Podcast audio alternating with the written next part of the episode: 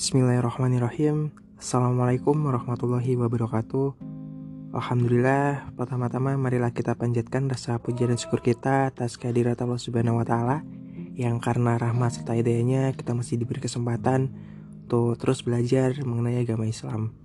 Kedua kalinya salawat serta salam Semoga tetap tercurah limpahkan Pada Nabi Muhammad SAW Yang telah membawa kita dari zaman kegelapan Menuju zaman yang terang benderang yakni agama Islam Alhamdulillah di podcast episode 59 ini kita akan kembali berkisah dengan kisah-kisah islami di masa lalu. Dan untuk episode kali ini kisahnya berjudul Gibah dalam Hati. Dikisahkan Ahmad bin Muhammad Atusi bercerita kepada kami. Dia berkata Saya mendengar Ibrahim Al-Azuri salah satu sosok mulia dari umat Nabi Muhammad berkata, "Saya mendengar guru kami, Ibrahim Al-Azuri Al-Kabir, bercerita, pada suatu hari di musim yang dingin, saya duduk di pintu masjid. Lalu ada seorang laki-laki berpakaian lusuh lewat. Waktu itu, saya berpikir bahwa orang tersebut adalah seorang peminta-minta. Dalam hati, saya membatin. Seandainya dia bekerja, tentu itu lebih baik baginya. Pada malam harinya, saya bermimpi seakan-akan ada dua malaikat mendatangi saya. Lalu membawa saya pergi ke dalam masjid di mana sebelumnya saya duduk di pintunya.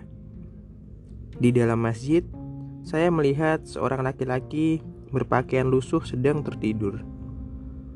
Kemudian penutup wajahnya dibuka dan ternyata dia adalah laki-laki yang tadi siang lewat di depan saya. Lalu kedua malaikat tersebut berkata kepada saya, "Makanlah dagingnya." Saya tidak pernah menggunjingkan dia, jawab saya.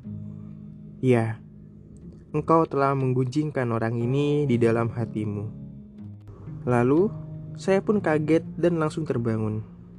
Sejak saat itu, saya selalu duduk di depan pintu masjid, menunggu laki-laki tersebut lewat untuk meminta maaf. Saya tidak pernah beranjak pergi kecuali untuk melakukan ibadah fardu. Hal itu saya lakukan sampai 30 hari lamanya. Setelah 30 hari berlalu, Akhirnya saya melihat laki-laki itu kembali lewat dan masih dalam keadaan seperti semula, yakni mengenakan pakaian lusuh. Saya pun langsung berdiri melompat untuk mengikutinya. Dia terlihat melirik ke arah saya, dan saya pun memperhatikannya secara diam-diam. Karena khawatir kehilangan jejaknya, maka saya pun memutuskan untuk menyapanya. Tuan, Tolong berhenti sebentar. Saya ingin bicara dengan Anda. Lalu dia menoleh dan berkata, "Wahai Ibrahim, engkau juga termasuk orang yang menggunjingkan sesama orang mukmin dalam hati?" Mendengar perkataan itu, saya langsung jatuh pingsan. Kemudian, saya tersadar dan melihat laki-laki itu duduk di depan kepala saya. Lalu berkata, Engkau sudah siuman? Tidak, kata saya. Kemudian dia beranjak pergi dan tidak pernah melihatnya lagi setelah itu. Wassalamualaikum warahmatullahi wabarakatuh.